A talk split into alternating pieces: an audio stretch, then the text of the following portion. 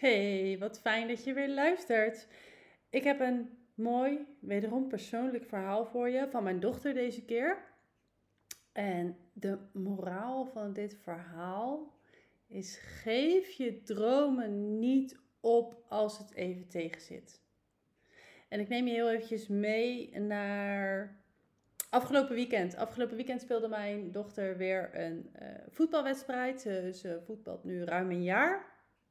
En dat doet ze met heel erg veel passie en uh, plezier. En ze hebben afgelopen weekend weer met uh, dik 7-1 gewonnen. Nou, dat is op zich niks nieuws. Vorige, vorige competitie waren ze kampioen, waren ze als eerste geëindigd uh, in de competitie. Ze zijn een klasse gevorderd en nu zijn ze weer goed op weg om uh, ja, die kampioenstitel ook deze competitie te winnen. Dus nou ja, dat, is, dat aan zich is natuurlijk uh, superleuk. Maar toch was deze wedstrijd wel echt heel bijzonder. Want uh, Joanne stond namelijk sinds een heel lange tijd weer in het doel. En waarom is dat nou bijzonder? Nou, toen Joanne begon met voetballen, uh, ze werd meegevraagd door het buurmeisje van hey, wil je een keer meetrainen? Misschien is het ook wat voor jou. En dat vond ze eigenlijk heel erg leuk, dus ze is ook op voetbal gegaan. Het is een gloednieuw meisjesteam. Ze waren volgens mij waren er twee of drie meiden die al langere tijd voetbalden. En nu was het voor het eerst, zeg maar, dat er echt een compleet meisjesteam uh, werd gevormd. Dus allemaal nieuwe meiden die nieuw op voetbal kwamen. Dus dat was wel heel erg uh, ja, leuk ook voor het stukje bonding. Want iedereen was slecht op die twee of drie dames. Dus na. En Joanne die leek het eigenlijk van het begin af aan wel leuk om te keepen. Dus had zoiets van, nou, dat, dat lijkt me wel wat. En ik denk ook wel dat ik daar goed in ben. Dus uh, nou ja, eigenlijk zo gezegd, zo gedaan, ging ze vrij snel al het doel in.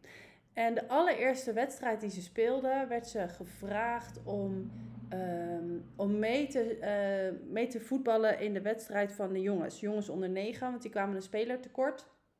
En de meisjes, um, dat was inmiddels zo'n groot team dat ze daar te veel hadden. Dus Joanne die had zich eigenlijk vrijwillig uh, zo van, nou ja, het is goed, ik ga wel met de jongens meespelen. Ze had de jongens nog nooit gezien, nog nooit met ze getraind. En uh, met, uh, met omkleden vroeg uh, de trainer van, hey, wie gaat er keepen?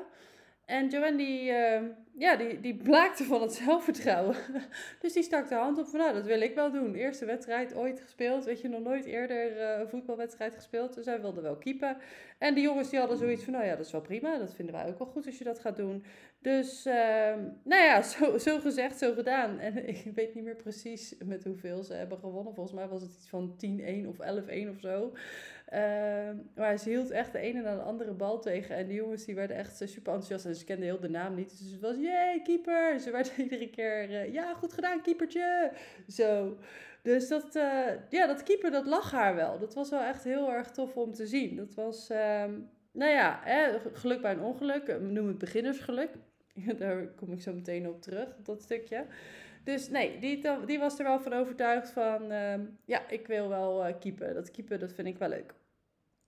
En uh, de volgende wedstrijd, met haar eigen team dus, wierp ze zichzelf weer op als vrijwilliger om te gaan, te gaan keepen. Maar dat liep een beetje anders. Want dit was echt een heel sterk meisjesteam. En um, al, al heel snel had, ze, ja, had de tegenpartij twee punten gescoord dus. En nou, Joanne nam zich dat zelf natuurlijk heel erg kwalijk. Maar niet alleen Joanne, ook een van de, de meiden die, uh, die al langere tijd speelde, die was het daar, nou ja, die, die was het daar niet mee eens.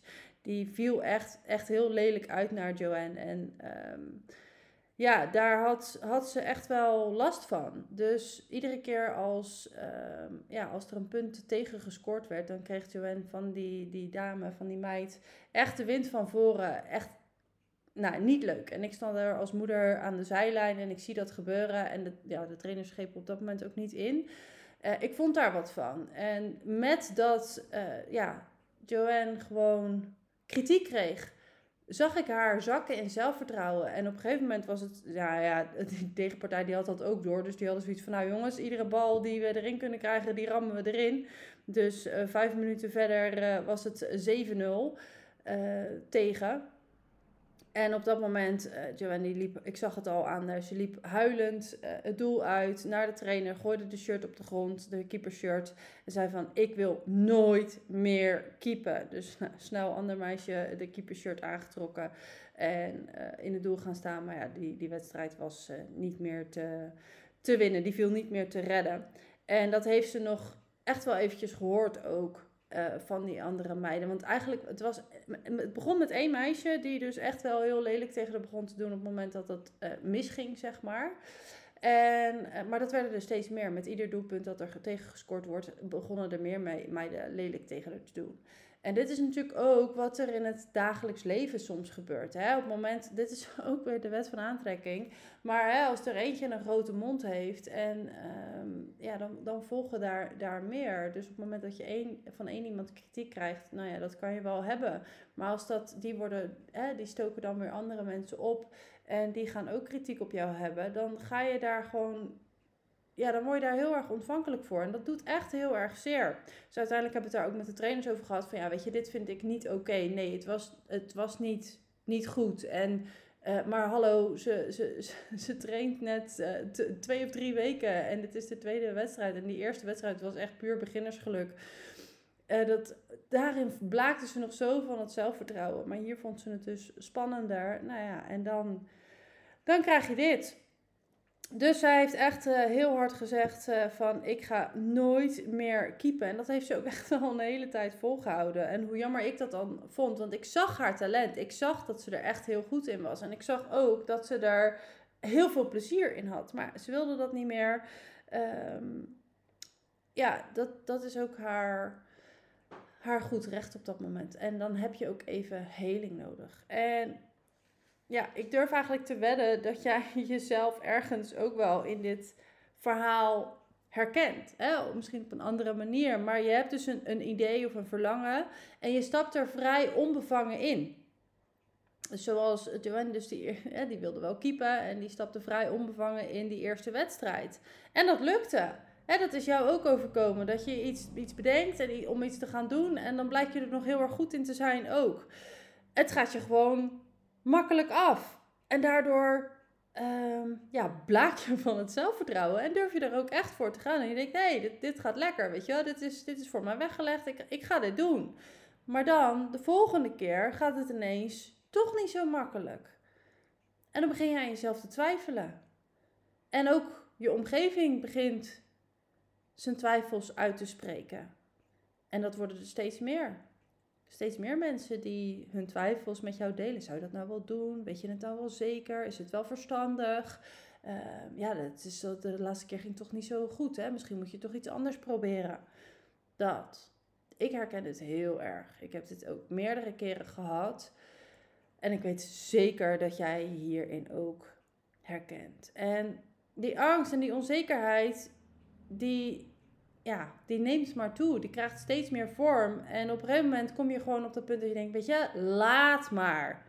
Wat dacht ik wel niet? Waarom dacht ik dat ik dit zou kunnen? Ik ben hier helemaal niet goed in. Laat het maar zitten. Dit wordt helemaal niks. Ik stop ermee. Ik, ik doe het niet meer. I know. Been there, done that. ik heb al... Uh, ik heb dit eigenlijk met, met al mijn bedrijven... En dit is nummer vijf. Dit is mijn vijfde bedrijf met al mijn bedrijven ben ik een keer op dit punt gekomen. Dat ik dacht, weet je wat? Fuck it, laat maar. Dat, dat beginnersgeluk, dat was leuk. Maar blijkbaar ben ik helemaal niet zo goed in wat ik doe. Dus laat maar zitten. Is dat nou echt beginnersgeluk? Ik denk van niet. Ik denk dat het de manier van het universum is om te zeggen van... Hé, hey, ja, Yes, you're on track. Dit is de bedoeling voor jou. Leuk, proef maar eventjes. Proef maar even van wat er allemaal mogelijk is. Maar daarna begint de leerschool. Want als je er al direct rete goed in zou zijn, dan zou hier geen groei en ontwikkeling in zitten. En dan zou je er, ja, heel eerlijk, ook heel snel klaar mee zijn. Want groei en ontwikkeling is de hele reden van ons bestaan. En zo'n eerste succes is het bewijs dat het talent aanwezig is. Dus jij wordt bevestigd in je verlangen. Van hé, hey, in Joanne's geval, ik wil dat keepen. Dat lijkt me wel wat. De meeste kinderen vinden dat helemaal niks, al die verantwoordelijkheid. En het is echt wel een vak apart. Maar zij had zoiets nou, dat lijkt me wel wat. Het is een, een, een verlangen van binnenuit. Niemand van ons heeft haar dat opgelegd of verteld dat ze moet gaan kiepen. Zij wilde dat zelf heel graag. Dat was een verlangen van binnenuit. En dat eerste succes was een bevestiging van het universum die zegt van... Hey, you're on track. Je bent hier echt heel goed in. En nu mag je gaan leren. Nu mag je gaan leren om deze skills, deze talenten, deze gaven tot wasdom te laten komen.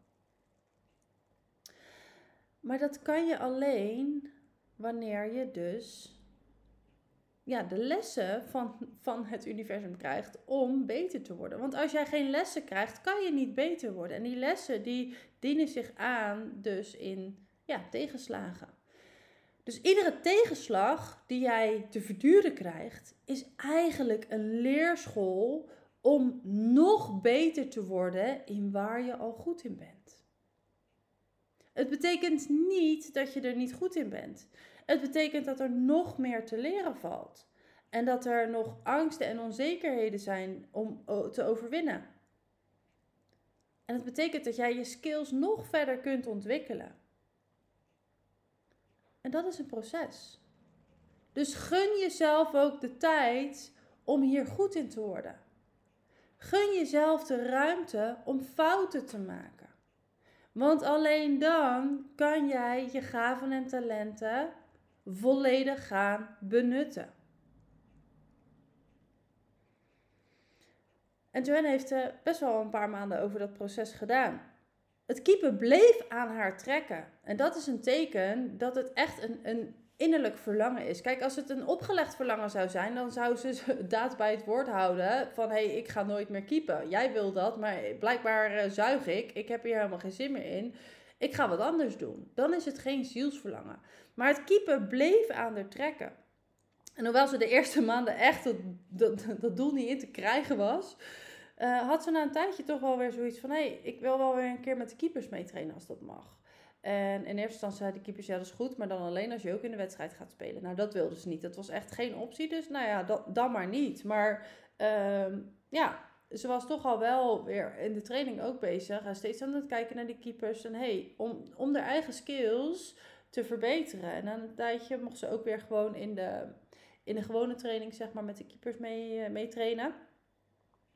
Uh, want ik heb ook met de keepers gesproken, of met die trainers gesproken van hey, ze wil echt heel graag, maar ze heeft zo'n deuk in de zelfvertrouwen opgelopen. Dus laat haar alsjeblieft gewoon nu in de training wel meetrainen. Want dan komt er vanzelf een moment dat ze weer genoeg zelfvertrouwen heeft om wel het doel in te gaan. Maar als jullie er die kans niet geven, kan ze niet op dat punt komen. En dat zou ik echt heel jammer vinden. En dat is meteen ook een boodschap voor jou. Van hey, weet je, Ga eerst oefenen. Geef jezelf de tijd en de ruimte om op je bek te gaan. Om je skills te verbeteren voordat je het opnieuw probeert.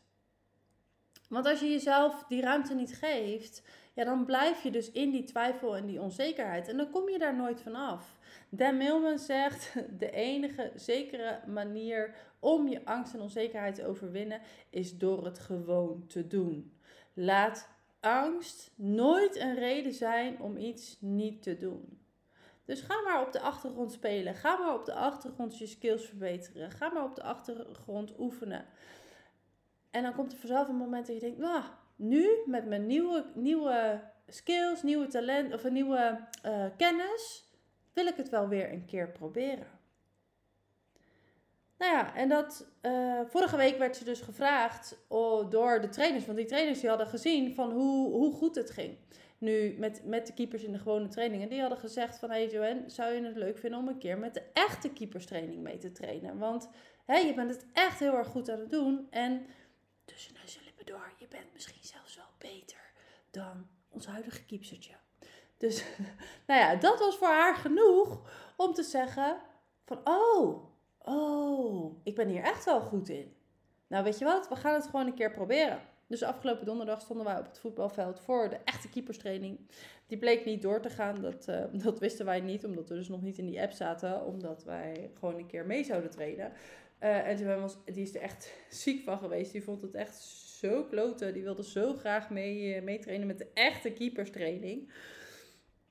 Voorwaarde was wel dat ze dan, als ze dus met die keeperstraining mee gaat doen, dat ze dan ook weer in de wedstrijd gaat keepen. En ze vond dat doodeng. Ze twijfelde een beetje, zeg mam, ik weet niet of ik dat durf. Ja, lieverd, ik weet zeker dat je het kan. En weet je, als je het niet probeert, dan weet je het ook niet. En met die instelling is ze erin gegaan. En ze heeft ook met haar team, uh, want nu die, die, die meid die er in eerste instantie de boel opstookte, die zit in inmiddels in een ander team. En uh, ze hebben nu echt een heel fijn, heel hecht team. En ze heeft ook tegen die meiden gezegd van ik wil wel weer keepen, maar ik vind het echt heel spannend. En als het misgaat, uh, wil je alsjeblieft gewoon niet lelijk tegen me doen, want ik doe echt mijn best. En al die meiden zeggen, Joanne, het maakt niet uit, het geeft niet. En als het misgaat, dat zien we dan wel weer. En dan kan altijd een van die andere meiden het overnemen. Maar ja, wij, staan achter je, we geloven in jou. Gaat maar, ik word emotioneel nu ik dit zo, uh, zo deel. Maar dit is wel, weet je, je hebt die cheerleaders gewoon nodig. Die zeggen van, hé, wij geloven in jou. Wij geloven dat je dit kan. En het geeft niet als je op je bek gaat. Het geeft niet als het niet meteen lukt. Maar uh, in godsnaam, doe het gewoon. Anyway, nou ja, dat was dus een groot succes. Uh, ze hebben de wedstrijd met uh, dik 7-1 gewonnen.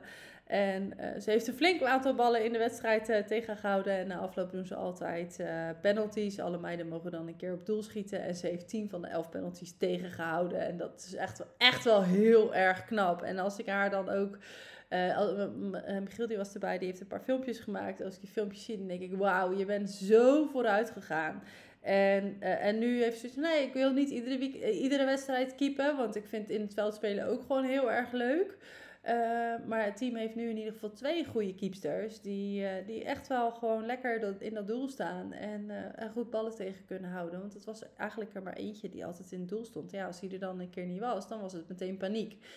Maar um, nou ja, weet je, moraal van dit verhaal is echt van als je iets wil en het zit even tegen, geef niet op. Geef jezelf de ruimte om je skills te ontwikkelen, om je talenten en gaven verder tot wasdom te laten komen. Geef het niet op. Als het aan je blijft trekken, dan is het een zielsverlangen. Dan is het de bedoeling voor jou. Dan zijn de talenten en gaven aanwezig en is het nu aan jou om die te gaan ontwikkelen. Dus één. Als je een verlangen hebt, beschik je over de potentie. 2. Tegenslagen zijn geen bewijs dat je er niet goed in bent. Het betekent alleen dat er meer te ontwikkelen en te leren valt. 3. Geef jezelf de tijd om je skills te ontwikkelen en je zelfvertrouwen te vergroten. 4. Er komt vanzelf een natuurlijk moment waarop je uitgenodigd wordt je gaven en talenten met de wereld te delen. En vijf, geef nooit op. Als het niet meteen lukt, heb je niet gefaald. Je hebt pas gefaald als je opgeeft. Knoop dat echt goed in je oren. En dit is dus ook voor jou als je al eens geprobeerd hebt om voor jezelf te beginnen, maar het is toen niet gelukt, het is niks geworden, betekent dat niet dat jij niet geschikt bent als ondernemer. Je wil niet weten hoe vaak ik op mijn bek ben gegaan. De meeste bedrijven ben ik mee gestopt omdat ik er klaar mee was, omdat ik er gewoon geen plezier in, meer in had. Uh, maar ik ben ook met bedrijven gestopt omdat het gewoon echt niet werkte. Omdat het echt niet lukte. En ik heb één keer echt, uh, na één, dat was mijn tweede bedrijf, heb ik gezegd: dit nooit meer. Ik, ik wil gewoon nooit meer ondernemen. Dat is een beetje zoals Joanne dat zei: van uh, ik wil nooit meer keepen. Heb ik ook gezegd: ik wil nooit meer ondernemen. Maar het bleef aan me trekken. Het bleef in mijn hoofd spoken. En ik kon er gewoon letterlijk niet omheen. Tot het verlangen weer zo groot was. Zodra het verlangen groter is dan de pijn, heb je weer gewonnen. Kan je er weer voor gaan. Dus ook als jij als eerder hebt geprobeerd om je aanbod dat je hebt gecreëerd aan de man te brengen, maar toen heeft niemand het gekocht. Hè? Ik herken dit zelf ook heel erg. Van toen ik een, de allereerste challenge, dat ik dacht, hè, dat is wat je ziet op social media. Organiseer een challenge. Je hebt honderd deelnemers en iedereen koopt en dan heb je een lancering van 10k. Dat is hoe het werkt, toch? Dus toen ik de eerste challenge die ik organiseerde, drie deelnemers had en niemand bij mijn webinar was, toen dacht ik, nou ja, dit, hier ben ik dus niet goed in. dit is, niet, eh, dit is niet voor mij, ik kan dit niet, of dit werkt niet, dit werkt niet. Ja. En dat zal jij misschien ook al eens een keer gehad hebben. Dat je dacht van hé, hey, ik ga ook een webinar organiseren of een workshop of een challenge of whatever. En behalve je moeder en je buurvrouw deed er gewoon helemaal niemand mee. En er was helemaal niemand die jouw aanbod kocht. Dat betekent niet dat het niet voor jou werkt. Dat betekent niet dat je er niet goed in bent. Als het aan je blijft trekken, betekent dat alleen maar dat er meer te leren valt. En dat is jouw pad. Het pad van ontwikkeling. Dus geef niet op. Ga ervoor. Neem de tijd. Vergroot je zelfvertrouwen door je talenten, gaven en uh, kennis te ontwikkelen. En als je daar behoefte hebt, nou niet als je daar behoefte aan hebt, omring je met gelijkgestemden, omring je met cheerleaders, omring je met mensen die jouw potentie zien. Die zien waartoe jij in staat bent, die zien waar jouw gaven en talenten liggen en die jou die schop onder je hol geven die je af en toe nodig hebt om door te gaan. Zodat je niet bij de pakken neer gaat zitten, zodat je niet langer dan nodig in je zelfmedelijden blijft zitten. Want dit is wat er gebeurt. Als het dan even niet lukt, zie je wel, ik ben er niet goed in en laat maar zitten en ik kan het niet. En, zeker als er dan in je omgeving met je mee gaat praten, zorg voor gelijkgestemden. En ik ben echt zo'n cheerleader en dat kunnen al mijn klanten vanuit het collectief beamen. Ik sta aan jouw kant en ik zie waar jij toe in staat bent. Dus heb je, daar, heb je daar behoefte aan? Laat het me weten. Dan kunnen we samen altijd een virtueel kopje koffie, of een echt kopje koffie liever nog, uh, gaan drinken. Om eventjes te kijken van, hé, hey, waar loop jij nu tegenaan? Welk verlangen heb jij? Welk, welk onbeantwoorde verlangen blijft in jouw hoofd terugkomen? En door welke angsten en onzekerheden durf jij er niet voor te gaan? Hoe kan jij die gaan overwinnen op een manier die bij jou past, zodat jij je levensmissie kunt gaan leven, zodat jij je gaven en talenten kunt gaan gebruiken waarvoor ze bedoeld zijn? Want daarom blijft dat verlangen iedere keer terugkomen. Dit is de bedoeling voor jou. Ik hoop echt dat deze podcast je nu de nodige schop onder je hol heeft gegeven om te denken van ja, Anouk, je hebt gelijk. Weet je, ik moet niet bij de pakken neer blijven zitten. Ik moet het gewoon nog een keer proberen. Waar valt er iets te leren? Waar, welke lessen zitten hierin? Waar mag ik me nog meer in ontwikkelen? En ga dat doen. Heel veel liefs. Mwah.